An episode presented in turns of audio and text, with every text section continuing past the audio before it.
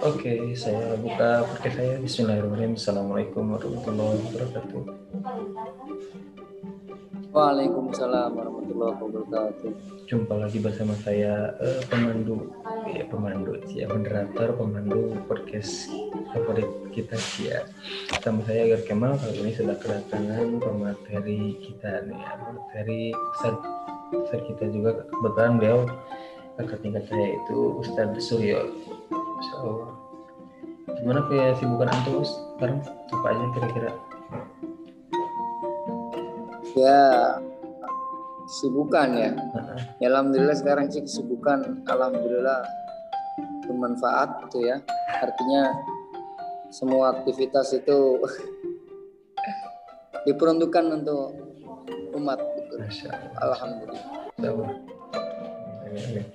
Nah, eh, kali ini tuh bakal ngebahas tentang tema yang ya cukup menarik juga ya tentang apa dikaliku dakwah ya. Nah, jadi eh, langsung aja sih eh, apa antum aja deh yang mulai deh. Eh, saya kan cuma membantu doang ya. Takutnya apa eh, pendengar podcast Kemal udah pada penasaran nih.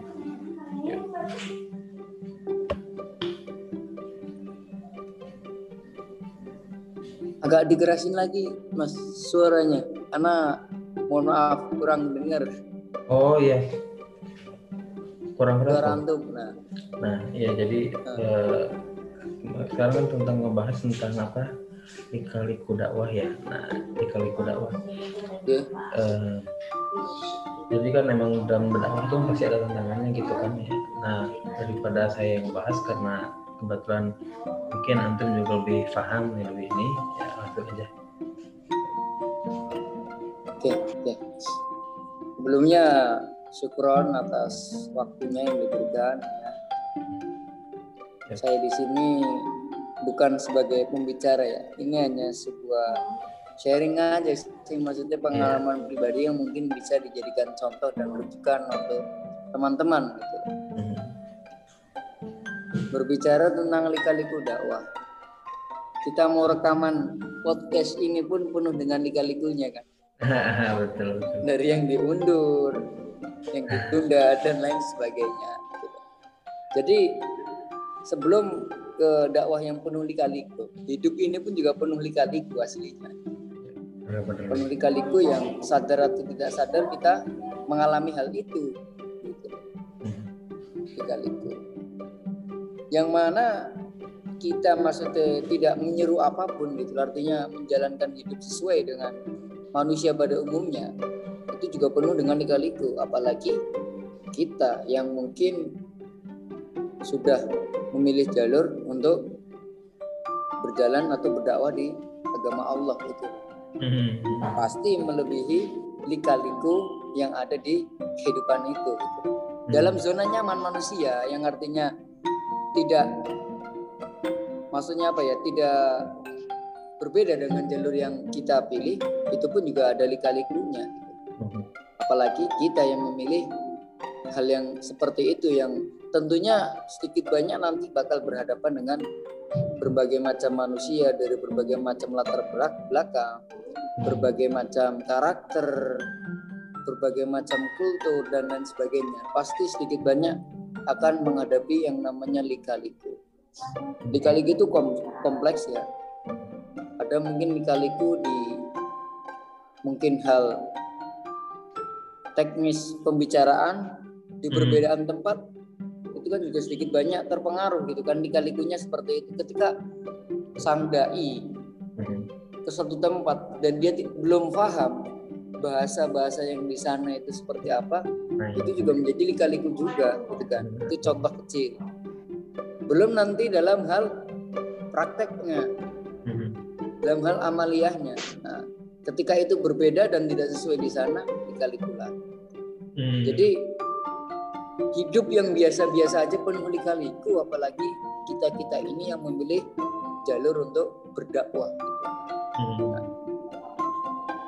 Jadi seperti itu gitu. Lika-liku yang menurut saya itu eh, semacam pengertian lika-liku itu seperti itu. gitu. Nah, kalau dalam hal dakwah kita kembali lagi yang namanya menyeru itu kan pasti tantangannya itu adalah disenangi dan tidak disenangi. Menyeru dalam hal yang namanya uh, keburukan lah itu aja masih ada yang nggak suka Hmm, apalagi menyeru dalam hal kebaikan. lebih banyak yang tidak Tidak suka. Kita belajarlah contoh dari Rasul lika-likunya beliau itu seperti apa gitu kan. Hmm. beliau kurang halus apa kurang ramah apa Hmm, kasih sayangnya itu kurang apa sampai beliau pun masih menemukan yang seperti bahkan dari kita apalagi kita mungkin manusia biasa yang apa-apanya itu belum stabil baik emosi.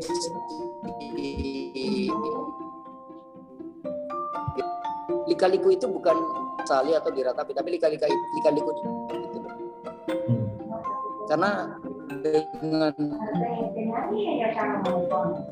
permasalahan atau lika-liku lah kita bahasakan dalam pendewasaan diri dalam ber- kemudian menambah tidaknya kemampuan kita dalam menyelesaikan problem baik dalam diri kita maupun kepada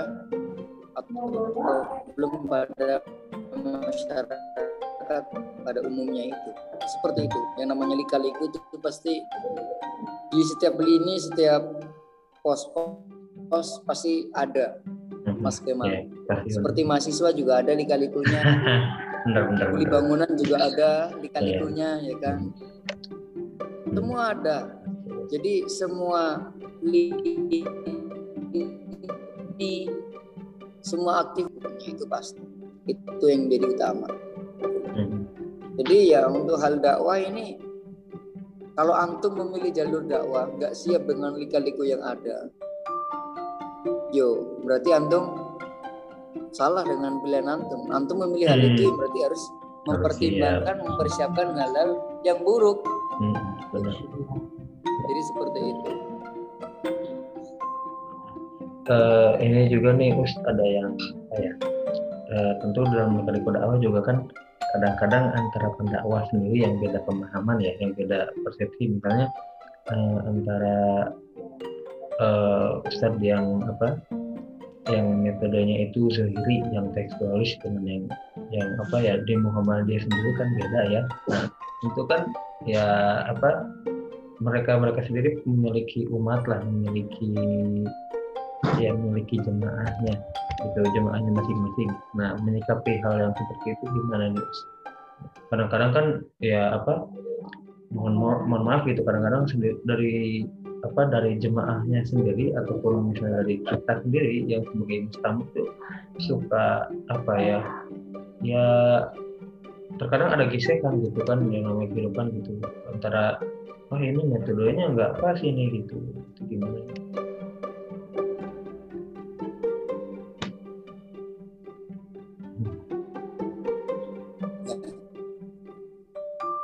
Nah itu pentingnya mungkin itu tantangan juga bagi semua pendakwah ya.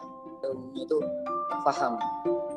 Paham di sini dikatakan itu mereka mengerti yang namanya sedikit-sedikit tentang ya fikih perbedaan itu gitu loh. Kalau kita tidak maksudnya jam apa dari pendakwah itu sendiri tidak mengajarkan untuk berwawasan luas, Mhm. ya mohon maaf, masalah seperti itu akan terus ada sampai saat nanti kalau dari pendakwahnya sendiri itu tidak mencoba mengarahkan mereka itu terbuka wawasannya supaya lebih luas. Dengan adanya wawasan itu, dengan harapan bisa legowo bahasa bahasa kitanya yang kita pahami itu bisa lebih bijaksana ketika menghadapi perbedaan-perbedaan yang ada. Hmm. Nah, masalahnya kan sekarang yang ada mungkin beberapa pendakwah itu yang mentaklidkan jamaahnya kan juga ada, Hmm. Ya kan? Ada yang mentaklidkan jamaahnya sehingga jamaahnya pun ikut-ikutan tertutup, kaku, kolot dan lain sebagainya gitu. Ya, kan. ya benar. Jadi itu pentingnya bagi seorang dai itu harus bijaksana terlebih dahulu. Gitu. Ketika Hmm. dai itu tidak bijak, maka ketika menghadapi perbedaan, Pasti nggak bijak tentu juga ya. Keputusan atau hal yang diambil setiap dalam permasalahan itu pasti sangat jauh sekali dari kata-kata yang dapat bisa diterima semua, semua kalangan. Beda Hmm. kalau misalkan dai itu bijak, pengalamannya luas, pasti Hmm. segala pertimbangannya pun mempertimbangkan semua kalangan yang ada di masyarakat gitu loh. Jadi Hmm. seperti dari pendakwahnya terlebih dahulu mas. Jadi jujur, jadi pendakwah itu sangat-sangat dikatakan berat sekali ketika melihat yang seperti saya katakan tadi di awal dengan kemajemukan masyarakat, perbedaan latar kultur dan lain sebagainya itu kan sedikit banyak sang dai itu harus kalau saya mengutip buku itu di manajemen dakwah itu sang dai itu harus langkah pertama itu ketika mau berdakwah di mana pun itu harus observasi terlebih dahulu Hmm. kepada masyarakat yang akan ia dakwahi atau yang kita kenal adalah ma'rifatul mad'u Hmm. mengerti orang yang akan kita dakwahi Hmm. Jadi sang dai bisa mendapatkan sedikit gambaran terlebih dahulu oh ini dengan kultur yang seperti ini berarti harus saya sampaikan bagaimana Hmm. Kita dakwah sama apa orang-orang lapangan orang yang di lapangan tidak bisa bisa menggunakan bahasa-bahasa yang perlu menggunakan bahasa-bahasa yang mereka gunakan sehari-hari Hmm. Bener-bener. Ya. ya. kembali lagi ya pentingnya retorika dai itu juga penting makanya dai itu perlu belajar retorika Hmm. retorika yang mana retorika itu bisa digunakan di semua tempat di kalangan terdidik kita bisa di kalangan formal dan non formal kita pun bisa Berarti harus karena hmm, harus di- juga ya. iya. Ya? Hmm. di pengertian kitab Nahu sendiri ini saya mengutip ya kan al kalam wa lafdu al murakkabu al mufid bil wad. Wadi. kata itu kan lafat yang tersusun yang memberikan faedah dengan jelas dengan jelas di sini ialah yang dimengerti oleh semua Oh, bener. ya semua kalangan itu. Jadi dai harus pandai berretorika. Hmm. retorika itu penting. Karena dengan retorika mampu menggerakkan. Kita bisa ambil contoh dari dakwah Rasul juga banyak menggunakan retorika.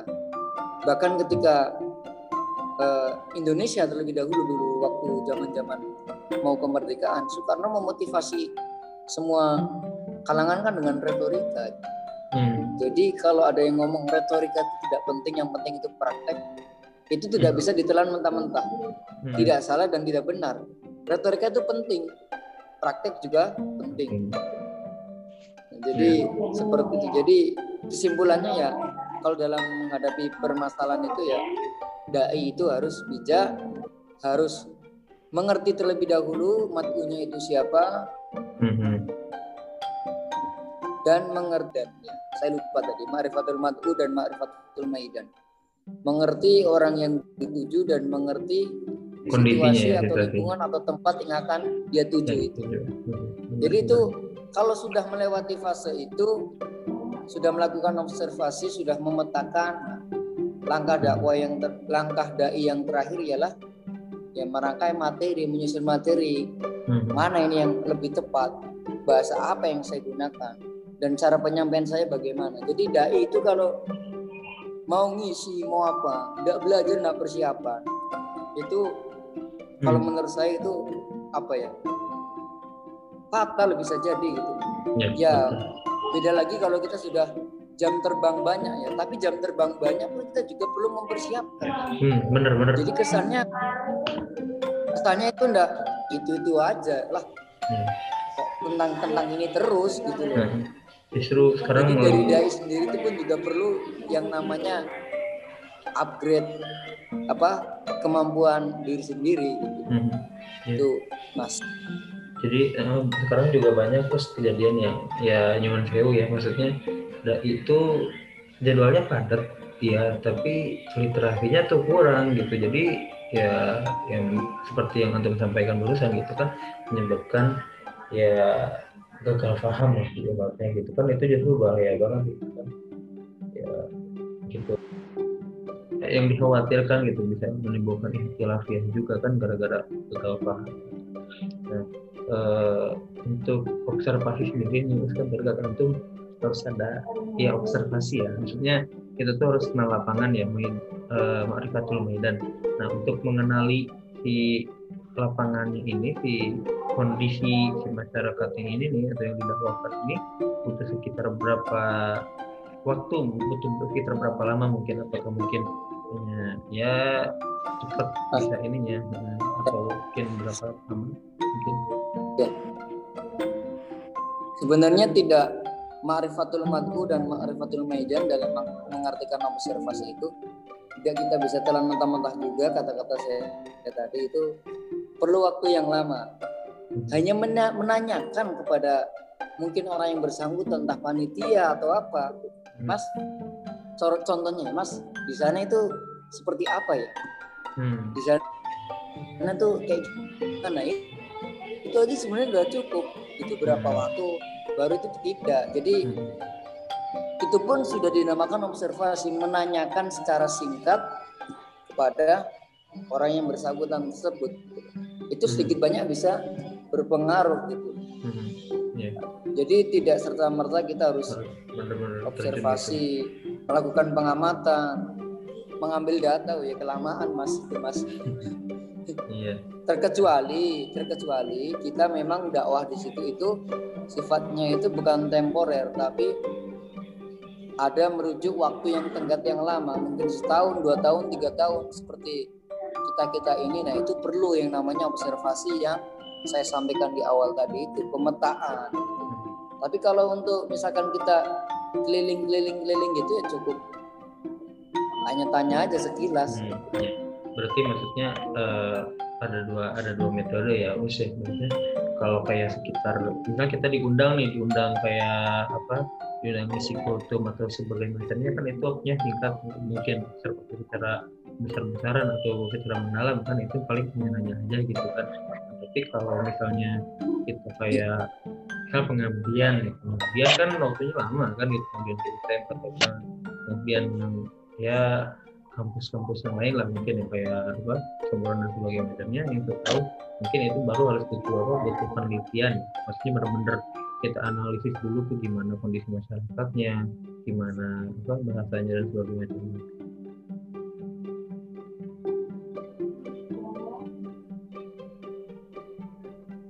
Agak kurang keras mas. Oh iya. Coba diulang. Ya jadi uh, suara suara suara suaranya. Uh, kan apa barusan harus ya berarti ada dua cara gitu kan ada dua cara untuk meneliti gitu ya. Kalau yang misalnya ya apa kalau misalnya dakwahnya kayak misal kita diundang kultum tuh atau kayak apa kayak jadi khotib itu nggak perlu cara apa nggak perlu mendalam gitu kan observasinya hanya cukup nanya aja gitu kan. Nah tapi kalau misalnya kita uh, apa hmm, apa waktu waktu dakwahnya itu lama misalnya kayak pengabdian gitu kan ya pengabdian kan lama gitu kan tiga tahun tuh.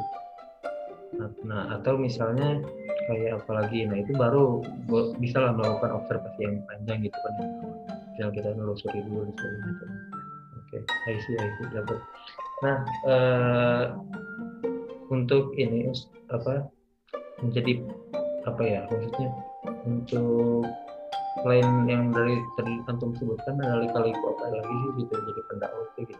Kan kayaknya banyak banget di kali jadi pendakwah.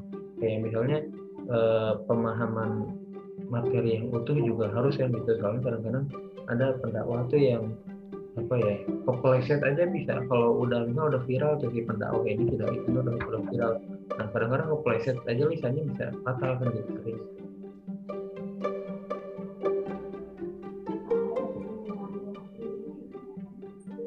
Nah, yaitu terlepas dari itu satu manusia itu kan memang al insanu.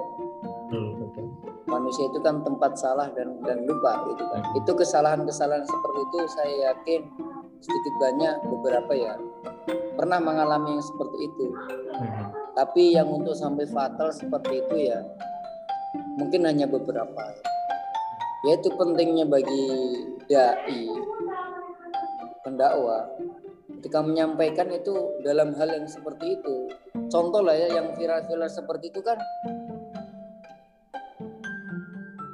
yang mana dai itu kalau misalkan bukan di bagian kita maksudnya kita belum terlalu menguasai dalam hal itu belum mungkin belum pernah belajar ya kalau saya sih menyarankan lebih baik bukan mundur ya mempersilakan yang lain benar.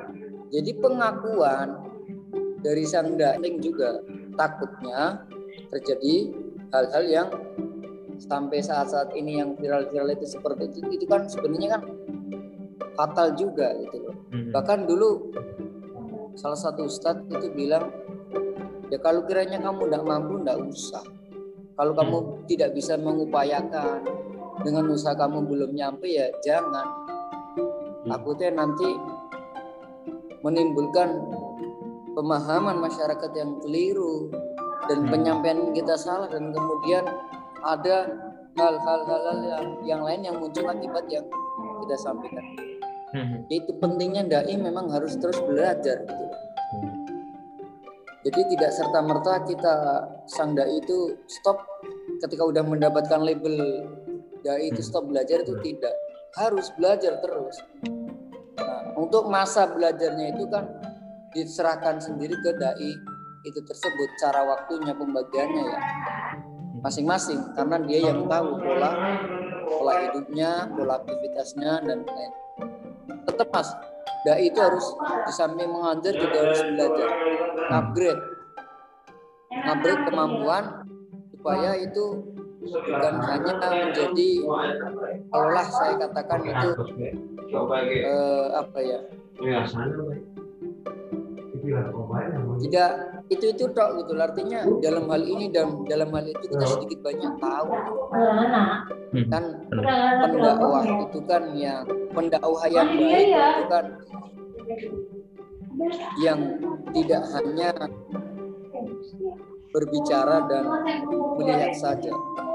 Tapi kan pendakwah yang baik itu kan juga melakukan yang namanya tindakan-tindakan yang kiranya itu mampu merubah hal-hal yang mungkin tidak sesuai dengan apa yang diajarkan oleh Al-Quran dan As-Sunnah. Jadi dalam dakwah itu kadang tantangan itu ketika dihadapkan pada permasalahan-permasalahan yang ikhtilaf masyarakat yang umum itu kita bukan mencari seharusnya kita lebih banyak menggunakan alangkah lebih baiknya kalau itu di masyarakat yang majemuk yang berbagai macam eh, kalangan ada di situ memang kita tidak bisa secara frontal langsung menggunakan apa yang kita pakai selama sehari-hari terutama dalam masalah fikih ya Mhm. dalam masalah fikih itu kan sering sekali gitu. Pertanyaan-pertanyaan masyarakat. Yang mana itu? majemuk banyak sekali kalangan ada di situ.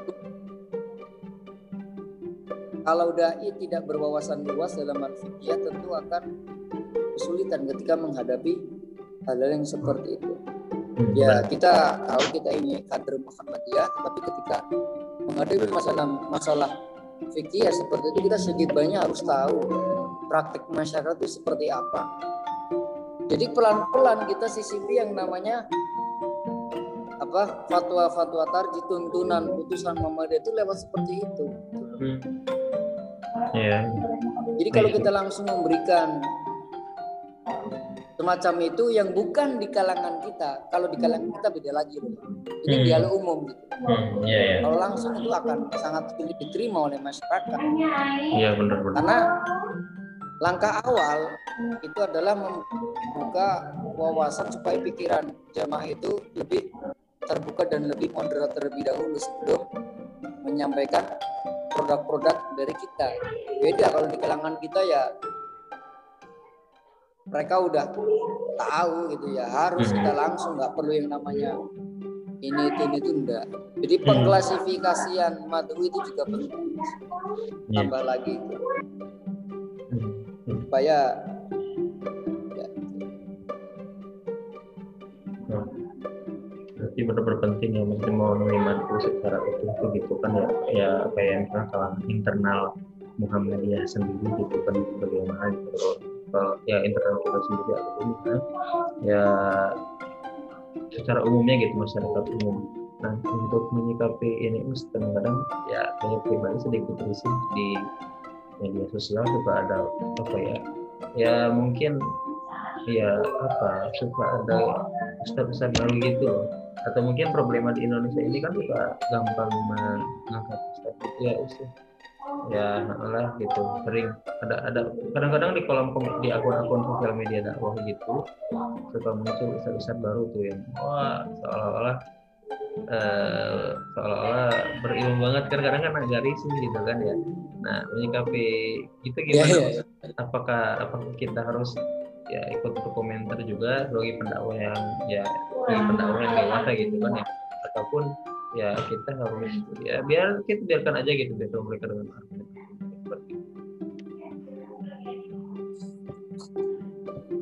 kalau menanggapi yang seperti itu kalau itu tujuannya itu satu seruan untuk kebaikan ya kita persilakan tapi kan yang muncul-muncul itu sekarang kan seakan-akan dia itu bukan pendakwah lebih dari Hmm. pendakwah mufti malah kadang itu kan yang repot kita memberi Iya. fatwa gitu kan kadang. iya dadakan gitu Nah, itu iya kan bener bener mufti kan langsung jadi mufti kan jadi kan eh, kayak ustadz ustadz ustadz ustadz kabir gitu ustadz ustadz yang keilmuannya masya Allah seperti Ustadz Abdul Somad Adi Hidayat juga pernah menyampaikan bedakan antara pendakwah dai sama yang namanya mufti itu toh.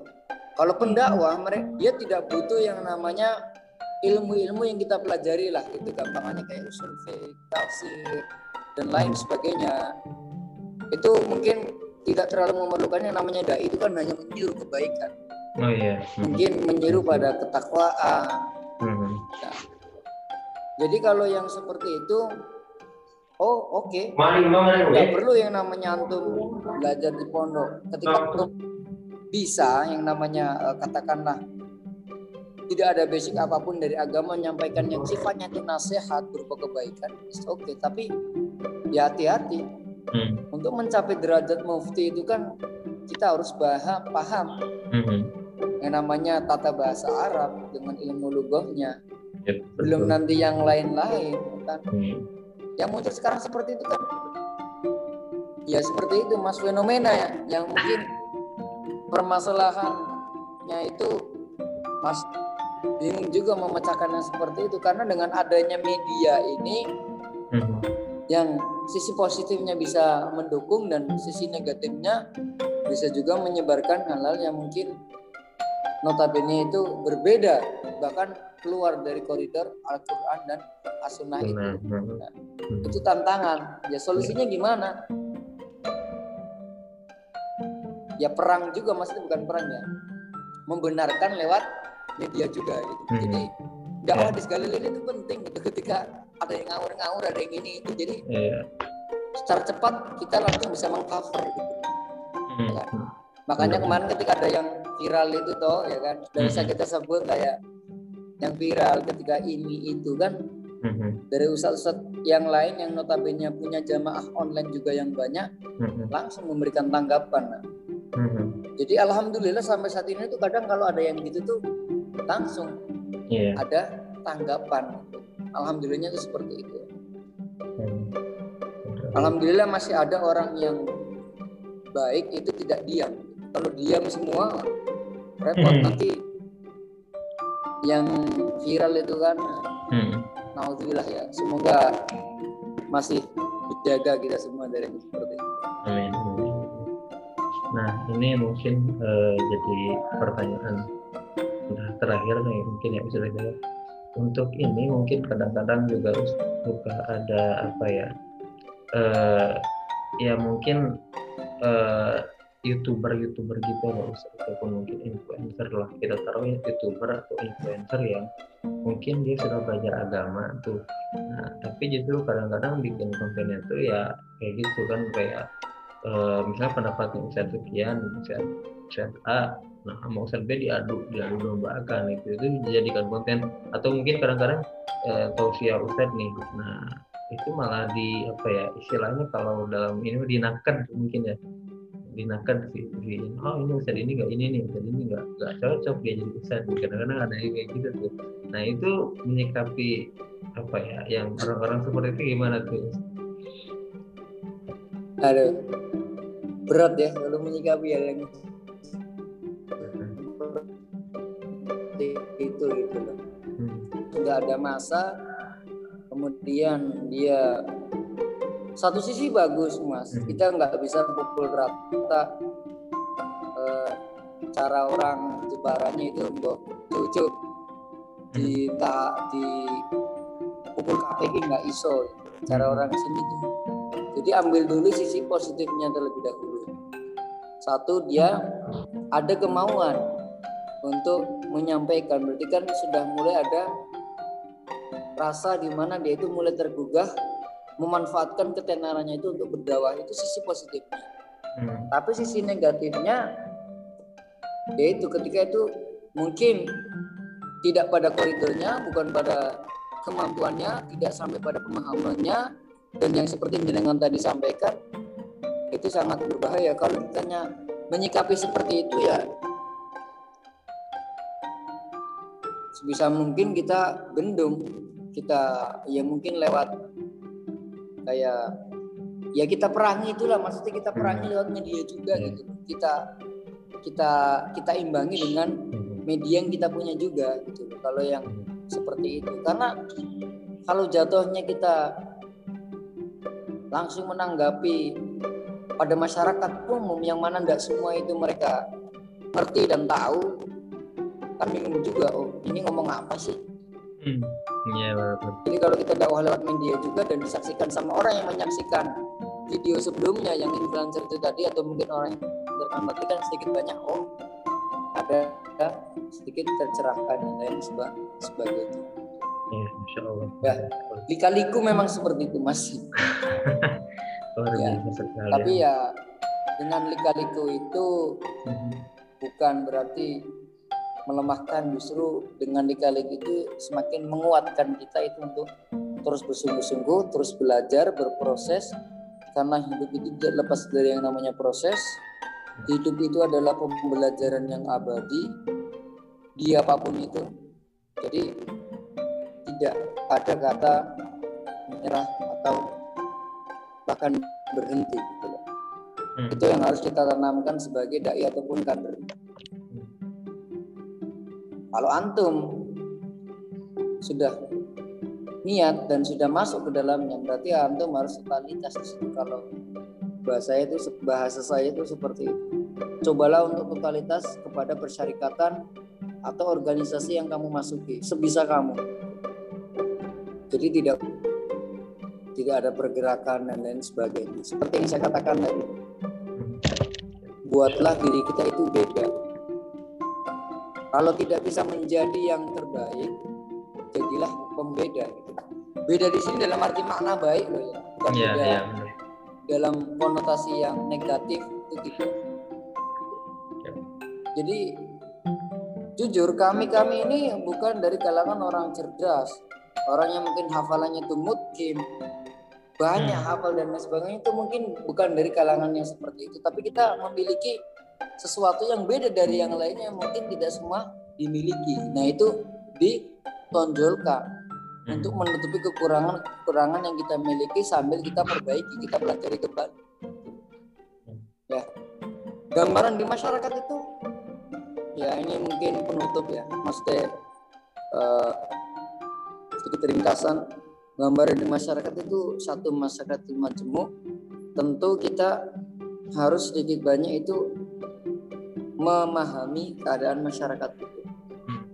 Jadi ya dai juga belajar kok dai juga belajar di masyarakat ini masyarakat secara tidak langsung juga mengajarkan pada dai tersebut masa hanya dengar perkataan diomongkan di belakang dai kok sudah baperan gitu kan bahaya dai jangan baperan gitu Aduh, parah. di ya kan dai jangan baperan itu satu Dari baperan gue jadi dah. itu di mana mana pun seperti itu. Ada yang senang dan tidak. Hmm, bener. jadi lucu sekali kalau dai menanggapi hal yang seperti itu. Hmm, hmm. jadi masih banyak persoalan yang lebih penting lebih urgen daripada menanggapi yang seperti itu. Gitu. kalau saya membahasakan seperti itu. Sedikit banyak sudah merasakan pasti komen-komen di masyarakat yang lain sebagainya itu ya itu jadikan pembelajaran. Dan tidak perlu kita bahas lebih dalam dan lebih lanjut itu yang seperti itu. Nggak penting kalau menurut saya gitu loh. Kurang penting penting. Siap, siap, siap. kita fokus sama yang lain yang kiranya itu lebih manfaat lebih maslahat pada masyarakat udah satu Hmm. pesan saya dah itu jangan baperan. Ya, Masya Allah luar biasa sekali. Jadi ya saya ini lagi ya usah saya apa saya ringkasin lagi mungkin ya gitu kan. Ya yang pertama dari itu harus tahu lapangan juga marifatul maidan tadi ya mengetahui kondisi masyarakatnya gitu kan. Dari juga harus apa harus mengetahui madu'unya gitu harus kenal ya. Ya setidaknya kalau tidak kenal tahu lah gitu tahu gimana ininya gitu kan. Dan dari juga harus apa harus rajin juga gitu giat dalam apa ya ya menuntut ilmunya juga, juga gitu kan karena manusia seperti yang anda sampaikan barusan itu kan berproses gitu. Nggak mau apa? Nah, istilahnya makhluk membelum lah manusia itu gitu kan ya. Nggak bakalan pingin sampai tahap sempurna tapi nggak bakalan sempurna sempurna gitu. Ya bakal gitu terus gitu. Karena ya kalau nggak gitu nggak bakalan keisi keisi gitu. Apalagi sampai kita berhenti untuk liter, berhenti dari literasi kita malah krisis jangan nantinya bahaya kasihan umat gitu. Ada lagi mungkin yang mau disampaikan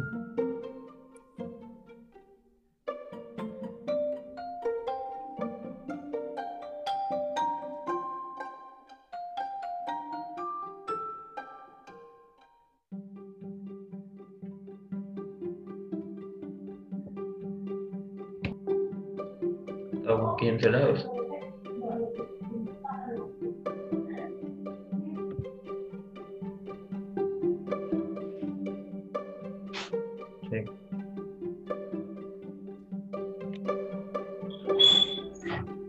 maaf tadi kelok ya ya sama tadi keluar sebentar mungkin menutup mas ya sedikit mungkin eh, yaitu satu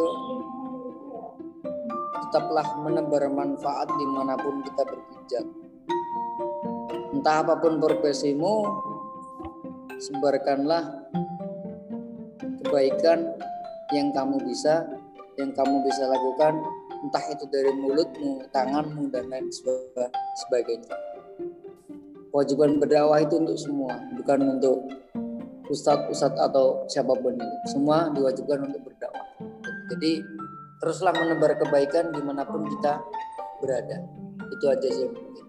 Dan tetaplah menjadi bijaksana, tetaplah menjadi pribadi yang anggun dan tetaplah menjadi pribadi yang